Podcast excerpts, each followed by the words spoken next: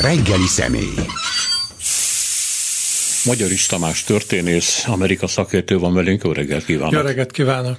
Hát egy szép sort próbálunk befutni.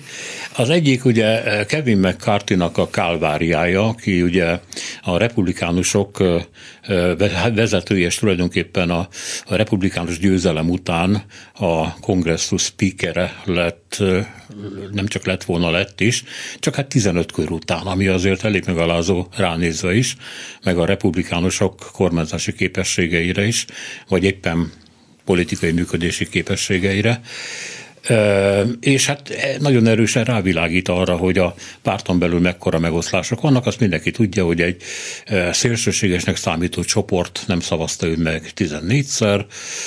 Állítólag ezek a Trump befolyása alatt álló emberek, mindjárt megbeszéljük, hogy ez pontosan így van-e, majd miután egy sor engedményt tett, nagyon nagy engedményeket a számukra, végül is megszavazták.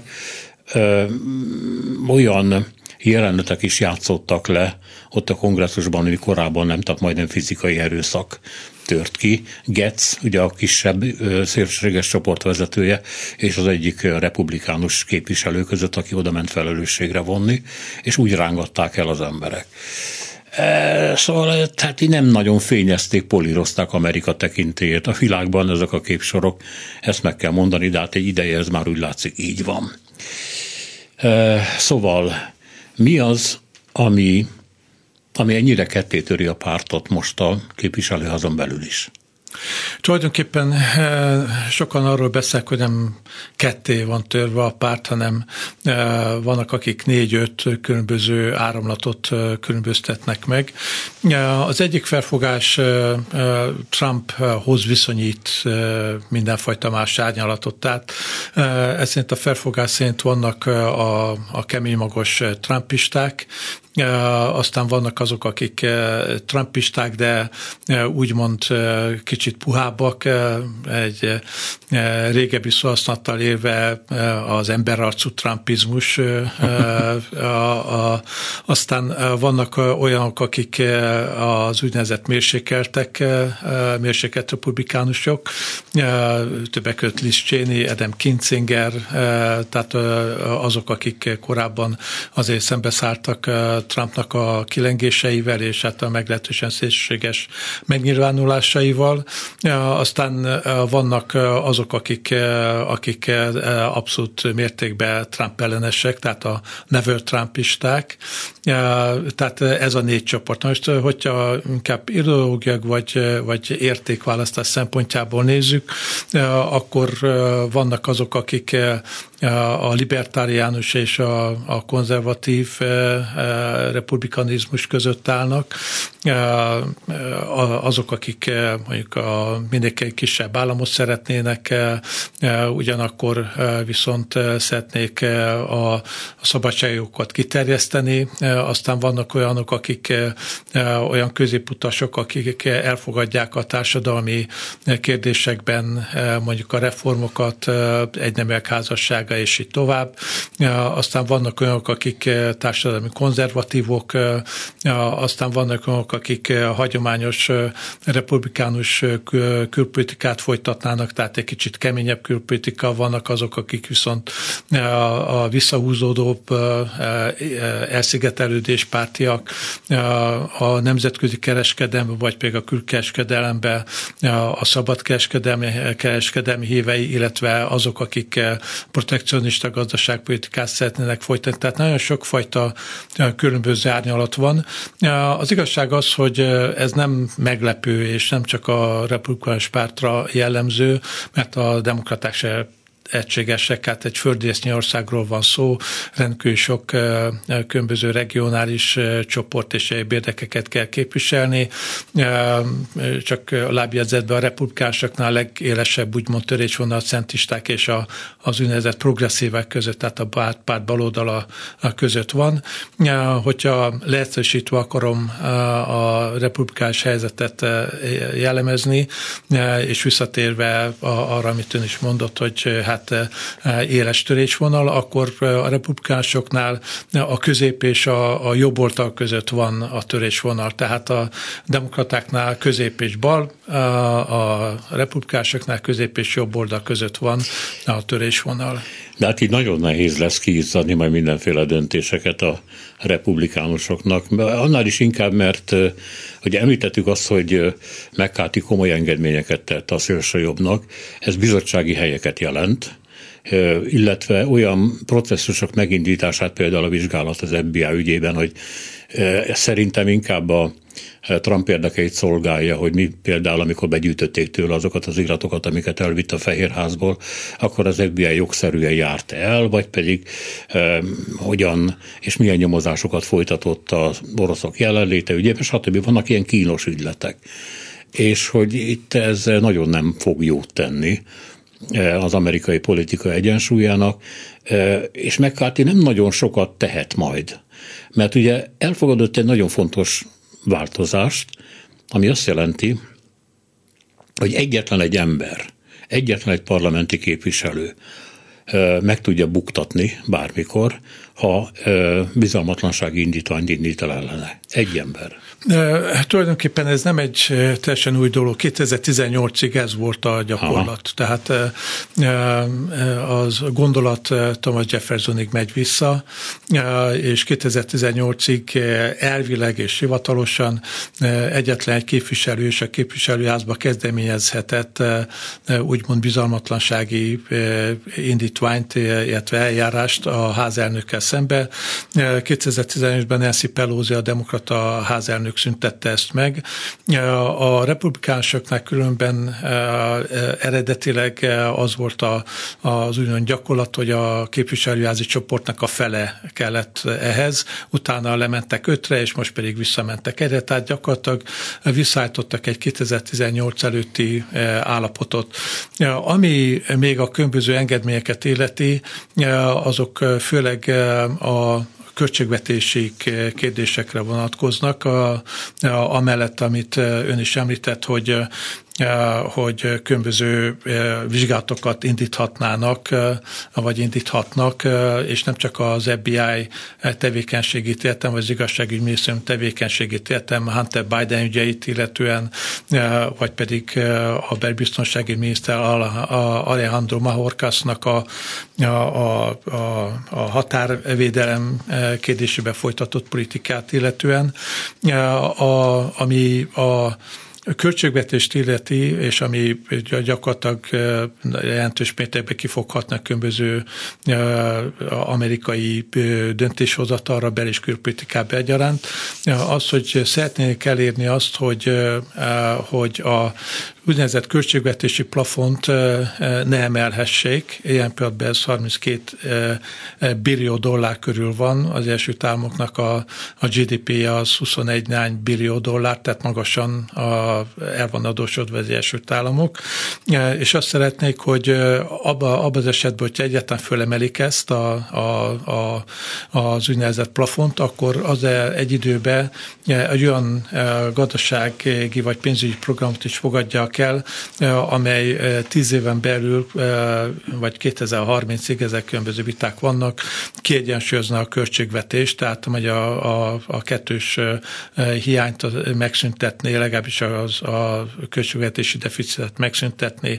Ez megint csak nem egy teljesen új dolog, utoljára különben Clinton idejében volt kiegyensúlyozott költségvetése a Egyesült Államoknak, és itt korábban említést tettünk arról, hogy vannak ugye a kisállam, nagyállam hívei. Ennek a hátterébe az húzódik, hogy szerintük a Biden kormányzatnak a eléggé költséges programjai, az infrastruktúrális beruházási program, vagy most ilyen pillanatban 1,7 billió dolláros úgynevezett törvény, amit különben megint csak szeretnének eltörölni, mert a törvényt, azt szeretnék, hogy ne lehessen törvényeket hozni, amiben tényleg mindent beletesznek, például például a legutóbbi törvényben a LMBTQ jogoktól kezdve hídépítésig minden szerepel. Hát mondjuk, nem, hogy az ember megnézi a hazai gyakorlatot, meg a kelet-európai gyakorlatot, azt mondja, hogy igazuk van.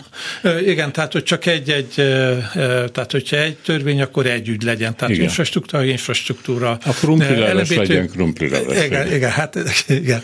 Tehát gyakorlatilag ez a, ez a csoport a, a ház szabályokon belül szeretne eléggé sok változtatást elérni, és hát nyilván van nem mögött ott van az a, a, a, a politikai mondjuk megközelítés, hogy ilyen pillanatban ez a, a szociáldemokrácia felé való eltolódás, ez az Egyesült Államok szempontjából nem jó, tehát a, a demokraták által gyakorlatilag egy, egy európai jellegű, skandináv jellegű szociáldemokrácia magas kiadásokkal, jóléti kiadásokkal, és így tovább. Ez nem szolgálja az első távunk az érdeket olyan szempontból, hogy kevésbé versenyképessé teszi a nemzetközi életbe, és ennek megfelelően ezeket a, a, a kiadásokat vissza kellene fogni. Szóval egy, egy kis állam, nagy állam Igen, de bocsássa meg, ez, ez elég fura érvelés, minek utána Európa pont azon nyűglődik, hogy az Egyesült Államok oly mértékben áldoz be állami pénzeket az amerikai gazdaság megtámasztására, ami Európával szemben éppen, hogy növeli az amerikai gazdaság versenyképességét. Ez egy fura. Igen, ez fura, de a republikánusoknál és a libertáriánusoknál, ahogy említettem, és ez félig meddig egy főáram majdnem, hogy az elképzelés az, hogy, hogy alacsony adó, gyakorlatilag a jóléti kiadásoknak a visszafogása, ilyen pillanatban többek között azzal is érvelnek, hogy az első államok költségvetésének kb. 60%-át tesz teszik ki a jóléti kiadások, főleg három program, a társadalombiztosítás, a Medicare és a Medicaid, e, és e, ezek exponenciálisan emelkednek. E, a köböző nagyjából 10-20 százalékot a védelmi kiadások tesznek ki, ilyen például több mint 800 milliárd dollár, tehát szerintük, hogyha ezeket a kiadásokat nem fogják vissza, akkor soha nem lesz kiegyensúlyozott költségvetés, és az állam egyfajta kis gömböszként mindent fel, felfal. Gyakorlatilag ez a fajta megközelítés régenig megy vissza a, a régeni politikáig, de az igazság az, hogy régen ezt szerette volna, de végül is ő nem fogta vissza a társadalmi kiadásokat politikai okokból kifolyólag, és akkor indult el ez a nagyon nagy arányú eladósodás. Tehát gyakorlatilag aztán később az ifjabb Bush az úgynevezett nagyállami állami konzervativizmust eh, találta ki. Eh, feltetően már nincsen visszaút jelen pillanatban, tehát a megszerzett jogokat nem hiszem, hogy bárki eh, is szeretne megszüntetni. Hát ezzel együtt az IMF igazgatója azt mondta, hogy a három nagy közül ugye Kína, USA, Európai Unió. Tulajdonképpen Amerika az egyetlen, amelyik elkerülheti a recessziót vagy a visszaesést. Tehát az amerikai gazdaság nincs nagyon rossz állapotban, és hát főleg ugye a munkaerőpiaca erős, nagyon sok új munkahely jön létre. Tehát olyan nagy panaszra úgy tűnik innen, hogy nincs ok, de természetesen vannak olyan témák, amikben a, a republikánusok keresztbe tehetnek az eddigi elnöki politikának, ez ugye a bevándorlás kérdése, amit nem is keresztbe tesznek, mert Biden igazából nem oldott meg semmit, nem is nagyon csinált semmit, ezt lássuk be. A másik ugye az ukrán háború, a harmadik pedig egy olyan hát a nemzetközi elemzők, főleg a jobboldali nemzetközi elemzők közé körében köröző tétel, hogy tulajdonképpen a világ tömbösödése újraindult, és ezeknek a blokkoknak különféle vezetői lesznek. Sokan felsorolják Oroszországot is, ami teljesen téves nyilvánvaló, mert itt eh, Oroszország, hogy mondjam, udvariasan pöfögő segédmotor lehet csak Kína mellett. És Amerikát, mint egy ilyen tömbvezetőt, ami alá be kell majd magukat rendezni a világ különböző alakulatainak, főleg ugye Európának, és hát a cél Kína megtörése, stb. stb. Kezdjük az elején, a bevándorlással. Az Amerikában nagyon komoly, nagyon kemény kérdés, tehát ne intézzük el ezzel, hogy mindenki akar jöjjön, mert ez nem egészen így néz ki, sehol a világon egyébként. De ebben a pillanatban nagyon embertelen állapotok vannak, mert a határokon hónapok, sőt évek óta földgyűlömlett tömegek vannak, akik messziről jöttek, Haitotól, Venezuelától, mindenféle szörnyű tuti államokból, és ott táboroznak, és seki sebe. Mi a megoldása a republikánusoknak? Megint régenre utalok vissza, hasonló helyzet volt, nem teljesen ugye az nyilvánvalóan. A legutolsó átfogó bevándorlási törvényt 1986-ban fogadták el, amikor, amikor nagyjából 10-11 millió illegális bevándorló volt, az első tánkból nagyjából hasonló szám, mint most jelen piacban, és akkor egy törvényt hoztak, amely rendezte ezt a helyzetet, amennyiben valaki valaki legalizálni akarta a státuszát, akkor, eh, akkor eh, visszamenőleg eh, meg kellett fizetni adót, sok minden egyebet, és ezzel legalizálták a, ezt az egész, egész illegális bevándorlásnak a helyzetét egy időre. Viszont azóta megint elég jelentős mértékben egyrészt Egyesült Államokon belül, és ahogy ön is mondta, azon kívül felhamozottak az illegális bevándorlók. A Trump adminisztráció ugye falat akart építeni, illetve két rendelkezést hozott. Az egyik egy 1944-es törvényre hivatkozott, illetve azt vette alapul, és a Covid-ra hivatkozva az úgynevezett 42-es számú hát, törvény vagy cikket vette elő, amely lehetővé teszi, az, teszi azt, hogy egészségügyi okokból kívül tartsa a embereket, illetve ne engedjenek be Amerikába. A másik pedig egy megállapodás született Mexikóval, hogy az úgynevezett triméni Mexikó, tehát hogy Mexikóban maradjanak addig, amíg elbírálják a, a, a kéremeiket. Na most ezekkel, ezzel a politikával úgymond két baj volt. Az egyik az, hogy az, hogy valakinek a kérelmét elbírálják, az hivatalosan bíróság kell. Most olyan mértékű a felhanzott ügyeknek a száma, hogy évekbe telik, mire adott esetben el lehet bírálni egy, egy bevándorló, bevándorolni szándékozónak a, a, a kérelmét, tehát ez nem igazán jó megoldás. Most ilyen pillanatban ez a Rimini Mexikó marad olyan szempontból, hogy kb. 30 ezer embert Mexikó tart, egy másik 30 ezer embert ilyen pillanatban Nicaragua, Haiti, Venezuela, Kubából az amerikaiak elvileg beengednek abban az esetben, hogyha Egyesült Államokon belül akad úgynevezett szponzoruk, tehát aki garantál valami fajta pénzügyi biztosítékot, hogy ellátja őket. A Biden adminisztráció próbálkozott azzal az elképzeléssel, hogy ne bíróságok, hanem a bevándorlási tisztviselők tudják elbírálni azt, hogy, hogy a kérelem jogos vagy nem jogos. Ez se nagyon működik, és ilyen pillanatban, illetve a tavalyi évben több mint két millió illegális bevándorló érkezett az amerikai határra. Állandó valóban a küzdelem a határon, a zöld határon ki tud átjönni, ki, ki nem tud átjönni, és az igazság az, hogy mindegyik adminisztráció független a, a, a, attól, hogy demokrata vagy republikánus százezer számra deportál embereket. Az Obama adminisztráció hasonlóképpen százezer számra deportált embereket, akik... Honnan, hova?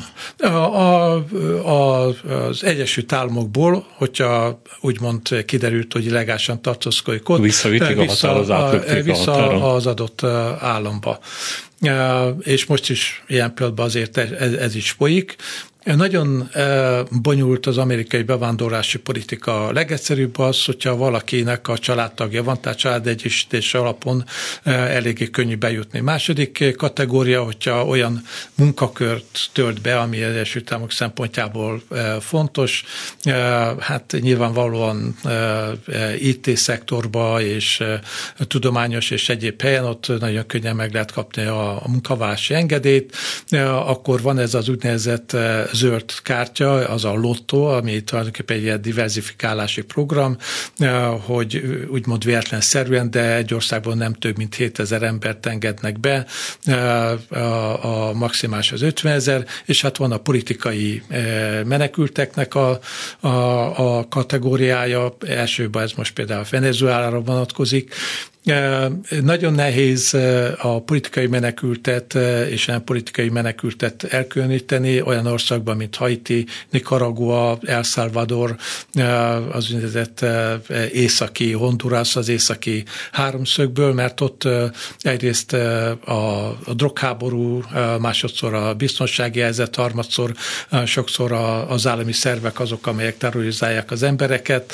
Venezuelában most sem egyértelműbb a helyzet, vagy Kubában Kubában egyértelműbb a helyzet, de Kubában is hosszú időn keresztül az ott a, a, a, a nedves láb és a száraz láb politika, tehát aki a tengeren próbálta megközelíteni az első államokat, azokat visszazsuppolták. A szárazlábú, tehát hogyha Mexikó bár, bármilyen más úton, akkor azok maradhattak.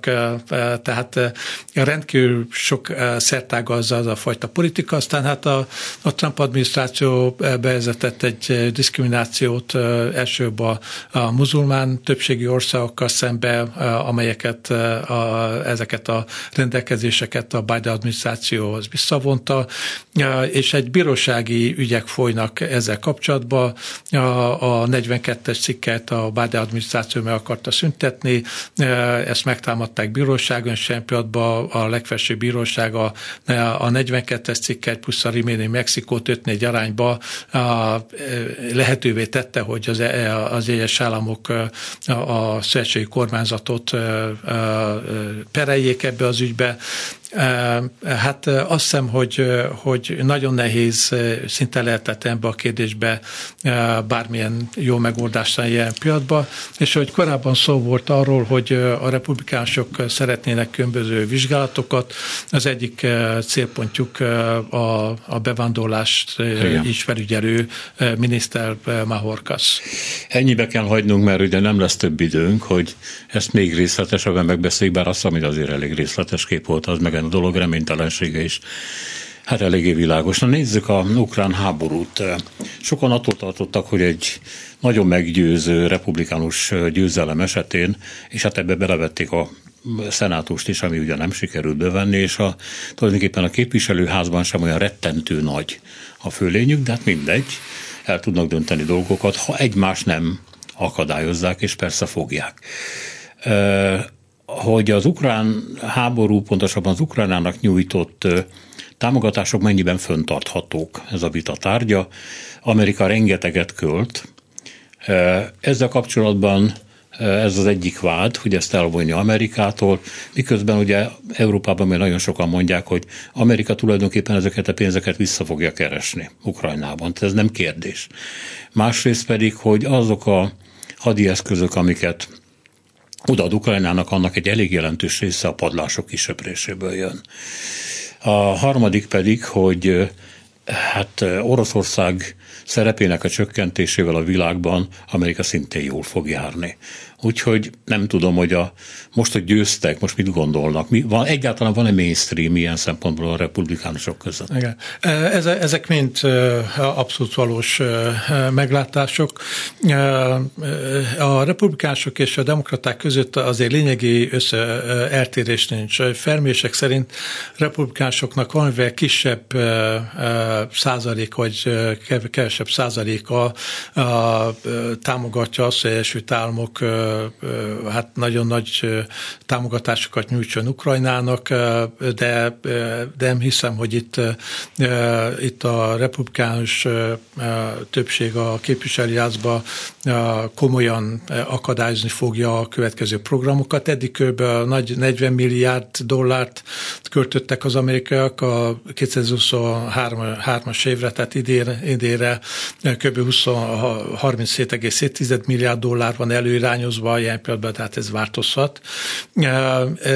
Ezek az összegek azért nem drámaiak, tehát nekünk ezek eléggé jelentős összeg, de hogyha most az amerikai védelmi kiadásokat nézzük, és ezek általában a pénzből mennek, ez nagyjából védelmi kiadások 5-6 át jelentik. Tehát ebben nem fognak tönkre menni az amerikák, és természetesen, ahogy is mondta, elég is a gyanú arra, hogy amikor majd az új építése sor kerül, akkor majd az amerikai vállalatok teljesen véletlenszerűen a különböző tendereknek a többségét el fogják nyerni, tehát nem fog mindenképpen elveszne ez a pénz, és ezen kívül hát valóban a, a fegyverrendszereknek az eladása is e, nem a legmodernebb fegyvereket kapják a, a, az ukránok, e, nem is tudnák ezeket használni különben, e, hozzá kell tenni azt, mert rendkívül bonyolult fegyverrendszerekről van szó. Sokan úgy gondolják, hogy az amerikaiaknak valóban egy stratégiai érdeke, és ebbe azért a demokraták és republikánusok értenek, Oroszország gyengítése. Tehát ez az amerikai nemzetbiztonsági stratégiákban benne van, hogy két úgynevezett peer competitor van, tehát nagyjából egyelő szintű, az Egyesült Államokkal egyelő szinten álló, vagy hasonló szinten álló versenytárs Kína és Oroszország. Oroszország inkább egy második vonalbeli ilyen pillanatban, ahogy szokták mondani, Oroszország Szaud-Arábia nukleáris fegyverekkel, vagy régebben szokták Na jó, mondani. ez gonosz, tehát azért Igen, nem, ennyire azért nem. Ennyire nem, de, de hát az orosz, orosz GDP az nagyjából akkor, mint az olasz, vagy az olasz. Igen. Vagy az, az olasz, vagy a spanyol, tehát az, az, és egydimenziós gazdaságról beszélünk, tehát egydimenziós gazdaság azt jelenti, hogy nyersanyagok elsősorban gyémánt, olaj, gáz, különböző nehéz földfémek, és így tovább, de nem hiszem, hogy, hogy, hogy egyikünk is tudna olyan orosz nem haditechnikát mondani, ami versenyképes lenne a, a világon. Hát még Magyarországon sem. Tehát még Magyarországon nem, nem, nem sem, sehol sem. Tehát, tehát az oroszoknak ez a, a, a, az egydimenziós gazdasága meglehetősen sérülékeny, főleg akkor, hogyha hozzáveszünk azt, hogy, hogy például az élelmiszer export is az ukrajnai és az orosz gabona export a világ 15%-át adja, és hogyha ott az oroszok már nem tudnak különböző okok miatt, bolykottok, szankciók és egyebek miatt teljesíteni, az megint csak az a saját gazdaságokat fogja gyengíteni. Tehát rövid távon lehet, hogy most az oroszok több pénzt tudtak szerezni, mert végül is a gázt és az olajat el tudták adni a szankciók miatt, ezeknek az ára fölment, és igaz, hogy kisebb mennyiséget adtak az oroszok, de több profitot tudtak ebből realizálni, de hosszú távon, hogyha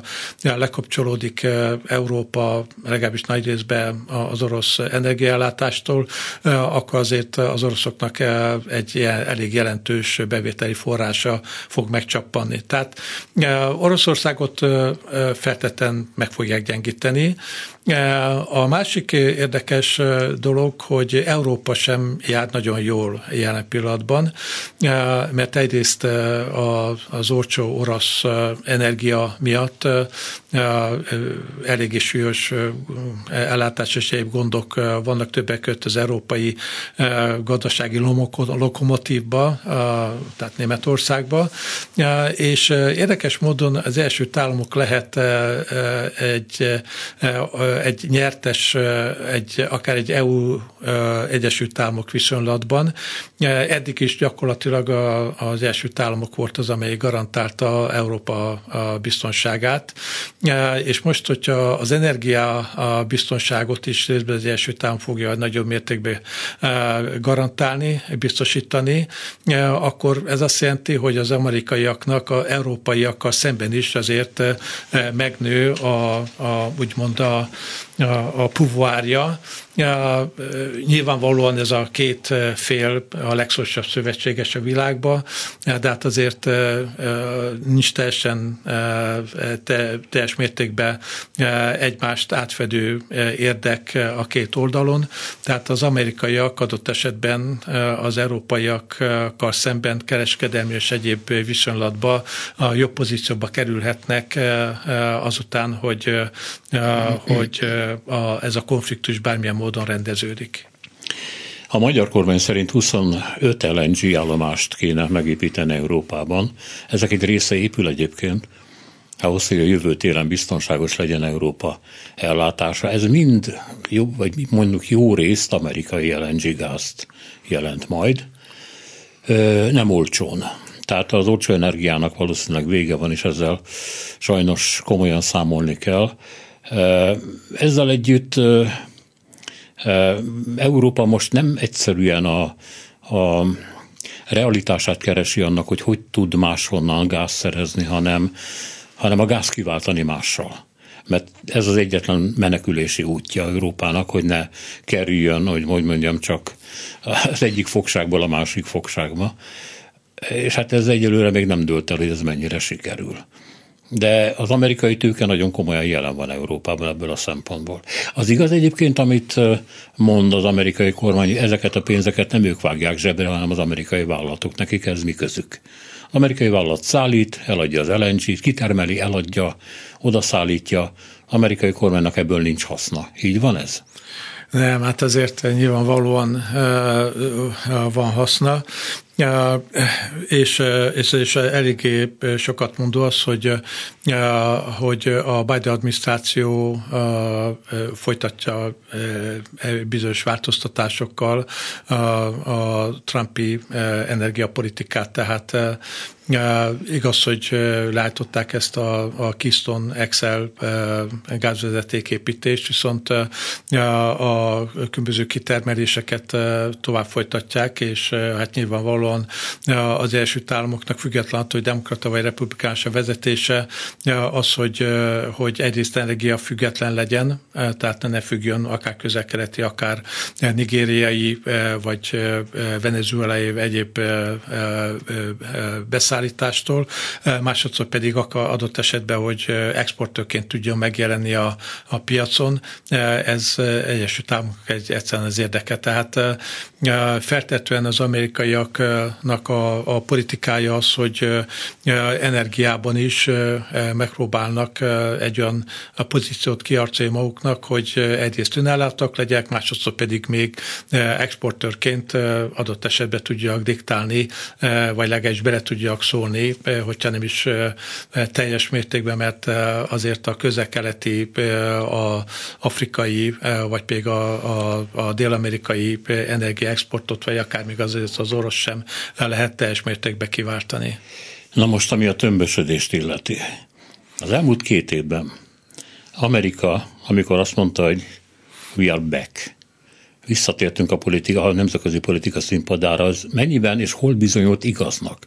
Hol van jelen Amerika úgy, hogy befolyásolni vagy eldönteni tudja a dolgokat, hol van jelen úgy, mint gyenge közvetítő, amely korábban erős pozícióban volt, mint a közel-keletre gondolok például, de ez már nem írja le a helyzetét, és hol van az, ahova egyáltalán nem térhet vissza, mert az már egy másik buborék része.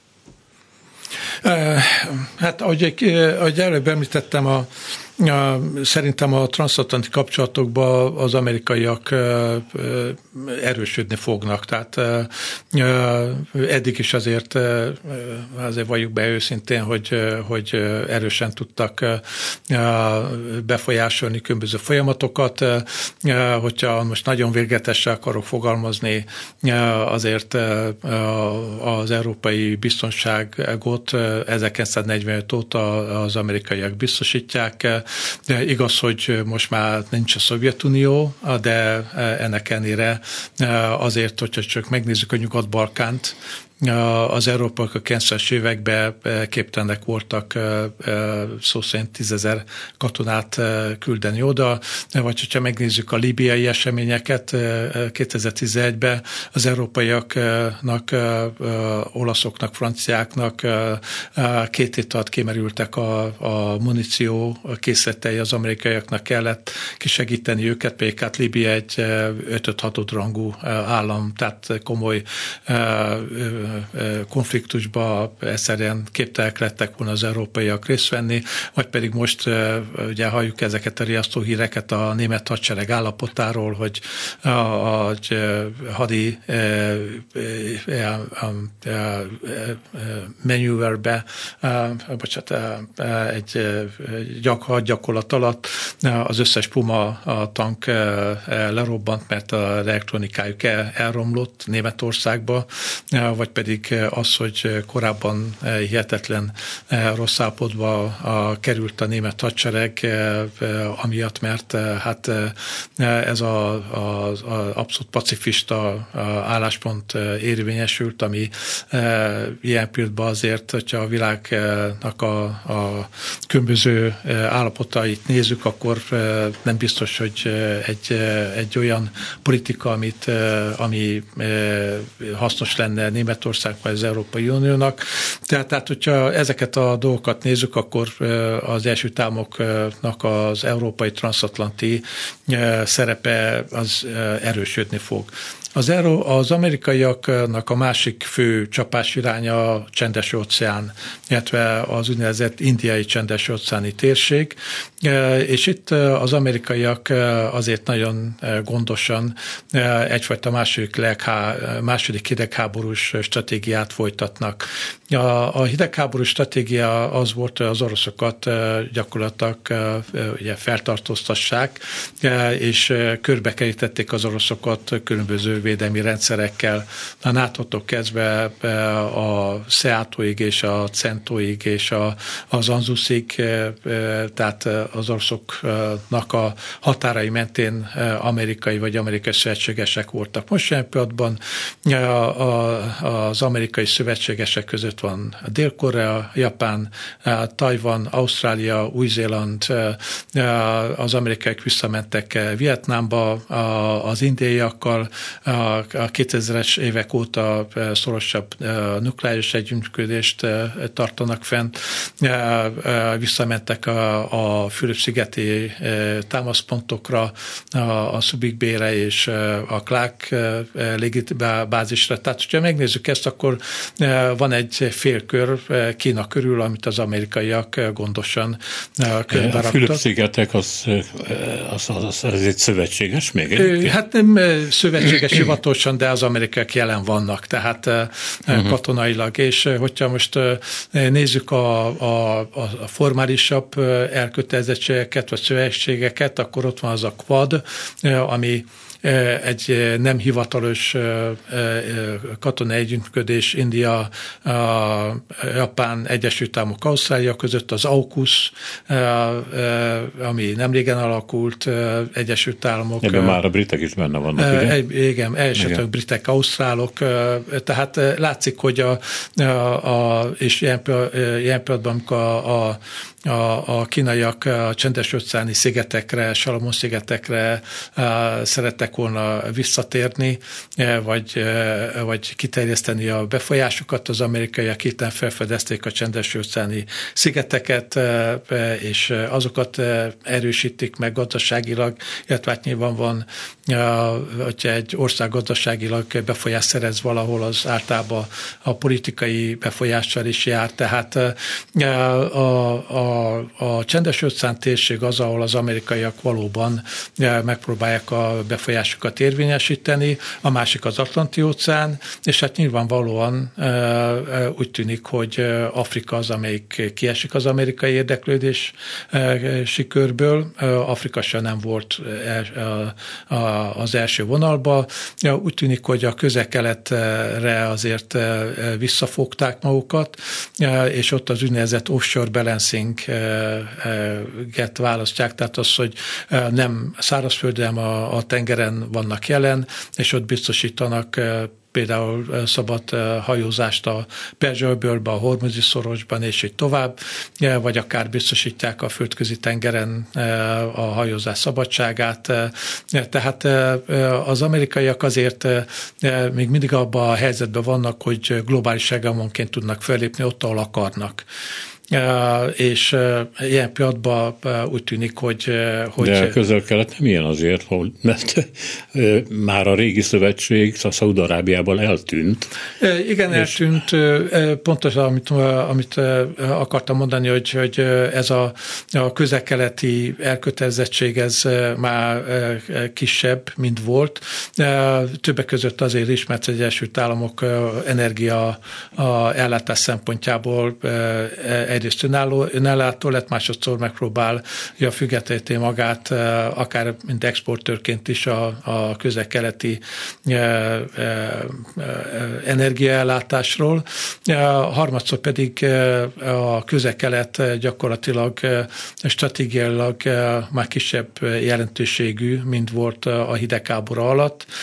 Az orosz igaz, hogy jelen vannak Szíriában, de az oroszoknak azért kicsit túlságosan nagy falat lenne az, hogy, hogy akár Szíriában, akár közekelten nagyon aktív politikát folytassanak, főleg azért, mert, mert az orosz képességek most abszolút mértékben le vannak kötve Ukrajnában.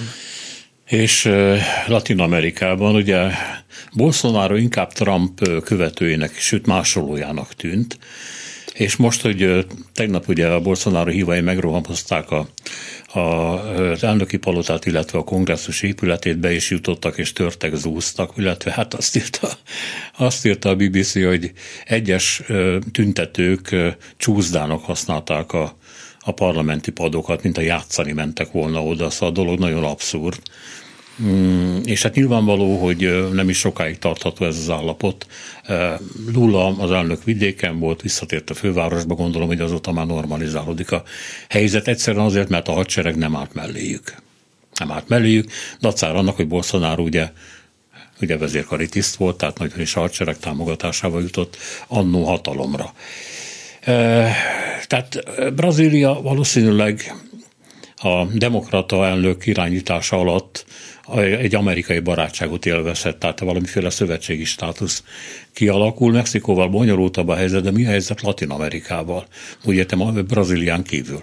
Állítólag ott volt egy ö, baloldali hullám, azt persze finomítani kell egy kicsit, ami nem hiszem, hogy Amerikának tetszik, még akkor sem, hogyha a demokraták vezetik. Igen, az első államoknak a, a latin-amerikai országokkal való kapcsolata nagyon érzékeny, úgymond. Tehát hagyományosan a, az Egyesült Államoknak a, a szerepét nagyon kritikusan nézik Latin Amerikában. Nyilván vannak kivételek, tehát volt mondjuk a, a Pinochet féle rezsim Csillébe, vagy hosszú időn keresztül mondjuk Brazíliában a Vargas rendszer, vagy Paraguayba és egyéb helyeken az, az erős emberek, azok inkább Amerika barát politikát folytattak, viszont sokkal népszerűbb az amerikai ellenes politika, többek között például Argentinába. Argentinában mindig sokan bocsátják meg az amerikaiaknak, hogy 1980-as évek elején a Falklandi válság mellett gyakorlatilag a britek mellé jártak, holott annak, annak ennél, hogy ott egy jobboldali katonai hunta volt akkor Argentinában, és hát ugye érdekes módon akkor az egyik fő mondjuk eredménye a huntának az volt, hogy Argentina megnyerte a világbajnokságot, 1982-ben a futball világbajnokságot. Ezt csak azért mondom, hogy a fő eredménye, mert hát eléggé érdekes események történtek ott a világbajnokság alatt, az argentin csapatot mennyire segítették, mennyire nem. Többek között mondjuk a, a magyarokkal az első mérkőzés mérkőzésen egy abszolút mértékben elcsart mérkőzés volt, vagy az argentinoknak utána négy góllal kellett győzni, és érdekes módon hat góllal győztek egy fél idő alatt a, azt hiszem Bolívia vagy Peru ellen, és a, a kapusuk az állam, argentin állampolgár is volt, szóval a érdekes dolgok történtek, de hát minden esetre visszatérve ez csak ez ezt a, a kis kitérőt azért eh, tettem, mert hát eh, ugye a Katari világbajnokság se volt teljesen mentes eh, különböző politikai felhangoktól, és sajnos utóbbi időben ezek a, a nagy világesemények, a Pekingi olimpiától kezdve a Moszkvai olimpiáig, Los Angeles olimpia, ezek mind politikai eseményeké vártak. De Argentinában az amerikai ellenesség az meglehetősen, meglehetősen tartós és erős. A közép-amerikai államoknál van az amerikaiaknak némi befolyása, de ott is általában a, a, a jobboldali kormányokat támogatják, főleg a, a gerilla a mozgalmakkal szemben. Illetve az amerikaiaknak elég erős programja van, és rengeteg pénzt áldoznak a különböző kábítószer ellenes fellépésekre, de az igazság az, hogy, hogy ezek azért nem nagyon hatásosak. Tehát óriási mennyiségű kábítószer áll még be az első államokba a déli határon, és többek között, hogyha a beszélgetést a bevándorlásra kezdtük, sokkal bevándorlást ezért is próbálják visszaszorítani, mert úgy gondolják, hogy nagyon jelentős mértékben a mafia a tagok, vagy a, a szerzett bűnözésnek a képviselés jutna, bejutnak az első támokba, és gyakorlatilag egy lehetetlen sziszifuszi harcot folytatnak a kábítószer ellen is. Tehát a kábítószer és a bevándorlás kérdése összekapcsolódik ilyen szempontból. Ugye akkor viszont az amerikaiak nagyon féltéken őrködnek úgymond a hátsó udvarra, tehát ott volt a kubai öbölválság, aztán a, a, a, a Falkland-szigetek, tehát nem nagyon szeretik azt, hogyha ott bárki más a külföldi nagyhatalmak közül pozíciókat szerez. A, ennek ellenére hozzá kell tenni azt, hogy például, ha a Lula elnökről van szó, a, a, az ő elnöksége alatt a kínaiak elég jelentős gazdasági befolyást szereztek a autóexportok a sok mindenig, és a kínaiak nagyon gondosan képítenek gazdasági kapcsolatokat Latin Amerikában és Afrikában is. Tehát a, a kínai politika, a, a geopolitika, vagy geostratégia, vagy geoekonomiai politika ilyen pillanatban meglehetősen óvatos, különböző gazdasági befolyásokat szereznek a világ különböző pontjain, amelyeket hát kérdés az, hogy később politikai befolyással akarnak-e váltani, vagy nem. Ilyen pillanatban még hát, nem. Ki hiszi el, hogy végül is nem erről is van szó. Ha mondjuk meggondoljuk, hogy mi az a buborék, mi az a tömb, amit Amerika vezet, akkor, ahogy felsorolta nyilván a távol-keletről, illetve Európából a lehetséges hmm, hát hogy mondjam, csak barátokat. A másik buborék, amit Kína vezethet, oda mi tartozhat? De olyanok, akik ugye elfogadják Kína vezető szerepét, mert egyébként dolognak nem sok értelme van. Kína mindig hangsúlyozza azt, hogy ő nem tömbpolitikát akar folytatni, tehát katonai szövetségeket nem köt, Egyesült Államoknak 50 néhány katonai szövetségese van, a világon kb. 600 katonai létesítménye van, nyilvánvalóan mondjuk a Ramsteini bázistól kezdve csak radarállomásokig, de végül is 600-nál több. A kínaiaknak gyakorlatilag nincsen, egy sem. Talán Djibouti-ba vannak kínaiak, de ott főleg a hajózás szempontjából a kalózok miatt az a rész, az indiai óceánnak az a része nagyon fontos az indiai, a kínai külkereskedelem szempontjából, de a kínaiak úgymond ilyen tömpolitikát nem folytatnak, nem törekednek arra ilyen pillanatban, hogy politikai szövetségeket kössek, katonai szövetségeket kössenek.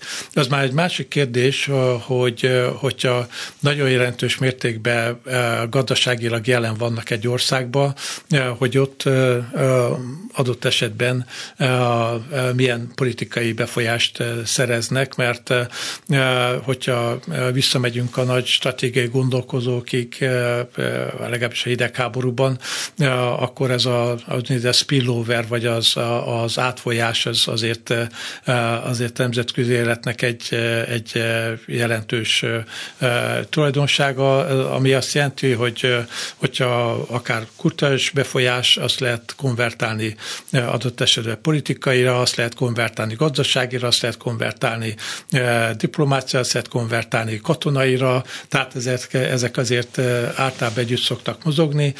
Most se pillanatban többek között a kínaiaknak a a, a, a vonzereje az a Latin Amerikában, ázsiai országokban és Afrikában az, hogy ők nem kérdeznek semmit. A, tehát a, az adott politikai helyzetet elfogadják, együtt dolgoznak, a demokratikus rendszertől kezdve a katonai huntákig őket a, a, a belügyek nem érdeklik ilyen szempontból. Szemben mondjuk az amerikai amerikaiakkal, vagy az európaiakkal, akik hát különböző kérdéseket tesznek föl, emberjogi és egyéb kérdéseket, de az, hogy a kínaiak ezt mennyire szeretnék később kihasználni, ez ilyen pillanatban még egy, egy olyan kérdés, amit nem lehet megválaszolni. Hát mondták ők már azt is, hogy ők egy soft power akarnak lenni, aztán ez, ennek már vége van.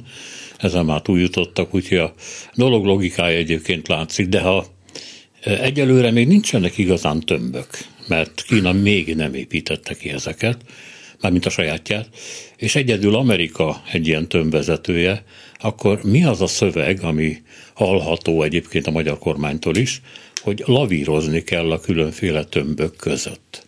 Hát ha egy van, akkor mi között kell lavírozni? Ugye Oroszország komolyan vehetetlen, mint tömbképző. Hát nem tudom, hogy, hogy pontosan milyen információkra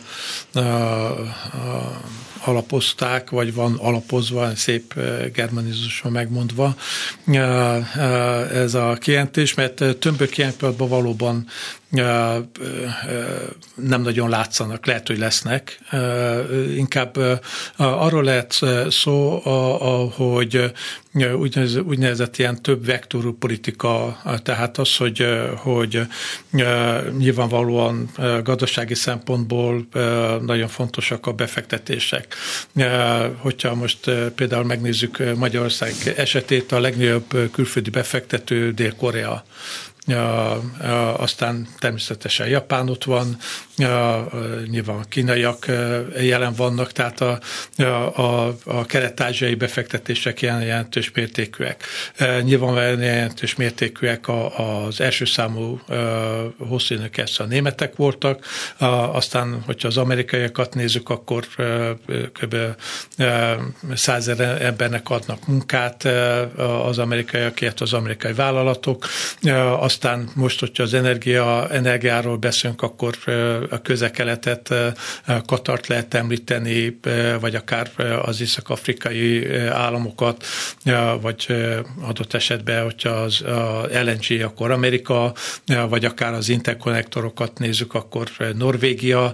Tehát magyarul, hogy rendkívül sok irányba kell, kell tájékozódni, energia szempontjából, befektetés szempontjából, export szempontjából, élelmiszer export, ugye megszűnt az orosz a piac, a szankciók miatt új piacokat kellett, kell keresni, közel-keleti bármilyen más piacot, afrikai piacokat, a magyar mondjuk technológiai exportot, és így tovább. Tehát nagyon sok olyan, olyan, olyan kérdés van, ami, ami azt, azt vonja maga után, hogy, hogy gyakorlatilag észak-kelet, nyugat, délfele kell tájékozódni, gazdaságilag, politikailag, és így tovább. Hát igen, de ezek jó rész bilaterális kapcsolatok, és nem a tömbök közötti játszadósások, legalábbis egyelőre. Na jó. Hát itt tartunk. Köszönöm szépen, hogy itt volt velünk. Köszönöm a meghívást. Magyar Tamás történész Amerika szakértő volt a vendégünk 9 és 10 óra között. Csorba László, Balogh Kármán, Zsidai Péter, Herskovics Eszter és Szénási Sándor köszöni a figyelmüket. Minden jót!